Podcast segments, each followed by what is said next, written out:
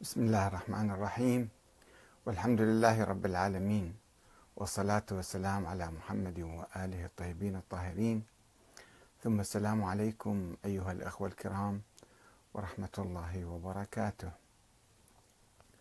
ما هو الفرق بين الحزب والعشيرة والطائفة الدينية؟ لا ديمقراطية بلا أحزاب ديمقراطية. ولا أحزاب ديمقراطية بلا ثقافة ديمقراطية.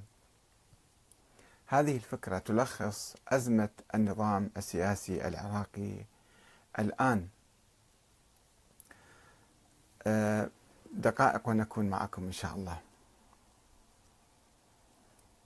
ما هو الفرق بين الحزب والعشيرة والطائفة الدينية؟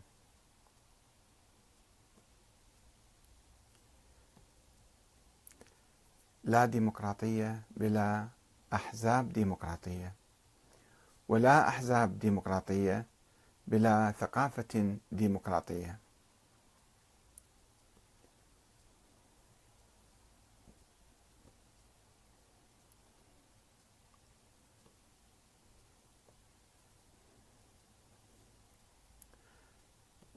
تعاني العملية السياسية الحالية في العراق أزمة آه، عميقة في الحقيقة.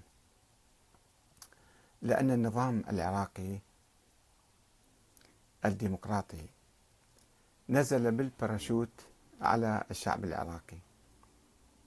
وإذا نظرنا إلى آه، طبعا كانت هناك تجارب ديمقراطية منذ 70 80 سنة في العراق. ولكن إذا نظرنا إلى التيار الأوسع والأكبر في العراق اليوم وهو التيار الإسلامي. وجماهير هذا التيار هذا التيار لم يكن يؤمن بالديمقراطية لم يكن يعرف الديمقراطية. كان يحرم الديمقراطية ويحرم الشورى. باعتباره كان تيارا منتميا إلى الفكر الشيعي الإمامي والفكر الإمامي تاريخيا كان يرفض الشورى وينتقد الشورى ويهاجم الشورى عبر التاريخ فكيف مرة واحدة يتحول إلى نظام ديمقراطي؟ آه، الديمقراطية جاءت آه، بعد الاحتلال الأمريكي. الاحتلال الأمريكي آه، أمريكا قالت أنا أريد أن أحتل أن أسقط نظام صدام وأقيم نظاما ديمقراطيا. فرحب الشعب أو كثير من فصائل الشعب بالفكرة الديمقراطية. وقبل ذلك كانت هناك تجربة في إيران هي تجربة النظام الجمهوري الإسلامي الإيراني. وأيضا هناك كان تياران في إيران.